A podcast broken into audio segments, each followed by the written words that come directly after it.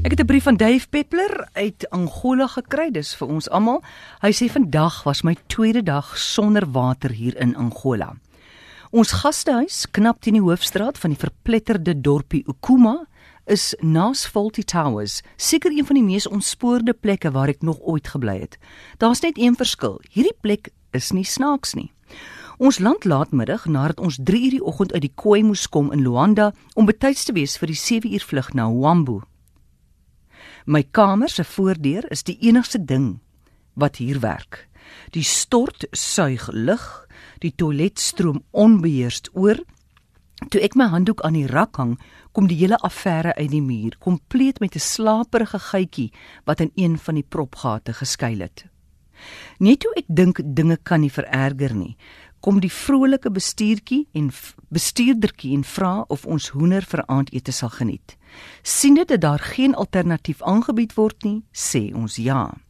Die volgende oomblik bars alle hel in die tuin los toe drie gillende kinders twee skreeuende hoenders deur die stowwerige en lewensmoeg plante jag.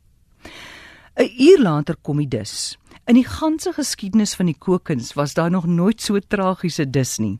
Vreemde snytjies, duidelik uit 'n baie maar hoender. Dit het gedryf in 'n sous of aftreksel. 50 shades of brown. Ons was duiselig ten aanskoue van hierdie onding. En toe maar papgekookte rys met peri peri teen die kieme as hoofmaal gehad. Ek sal liewer niks van die breakfast sê nie. Moedeloos stap ek straat af na ete om so bietjie my triestige kamer te ontsnap. Ek ruik skielik vars vars brood en laat my neus my lei na 'n deur op 'n donker kamer. Ek stap die hemel binne.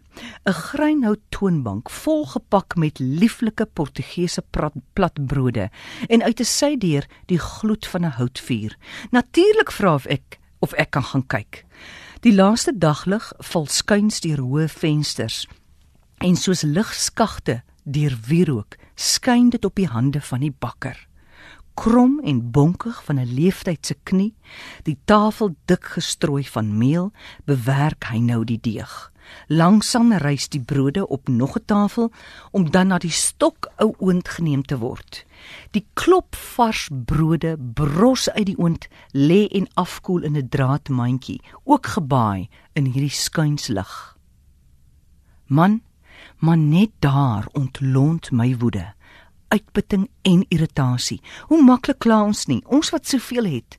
Ons eet sushi en fyn kos ten duurste en vergeet so maklik van die eerlikheid en aardsheid van eenvoudige kos. Ons moet leer om aan kos te vat, te ruik en intens daarna te kyk. Volgende keer as jy 'n ui koop, druk dit saggies tussen jou vingers sodat die bros velletjie afdop kyk na die kopergloed van die ontblote vel en besef dat jy die eerste mens op aarde is wat dit sien. Dit laat my dink aan die verruklike aanhaling uit die Snow Leopard van Peter Matheson. Hoog in die Hindu Kush vind hy 'n broodkorsie in sy parkasse sak. Hy skuil teen die wind en kou dit stadig en sê, "I break bread. I eat bread." How marvelous, how mysterious.